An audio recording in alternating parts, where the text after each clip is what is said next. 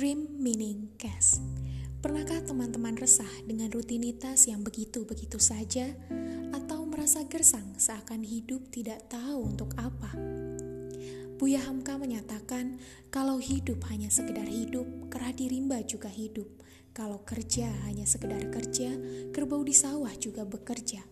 Lantas, apa bedanya manusia dengan kera dan kerbau? Manusia bisa memiliki kebermaknaan hidup hidup akan terasa berarti jika sekitar merasakan dampak dan manfaat dari hidup yang kita miliki.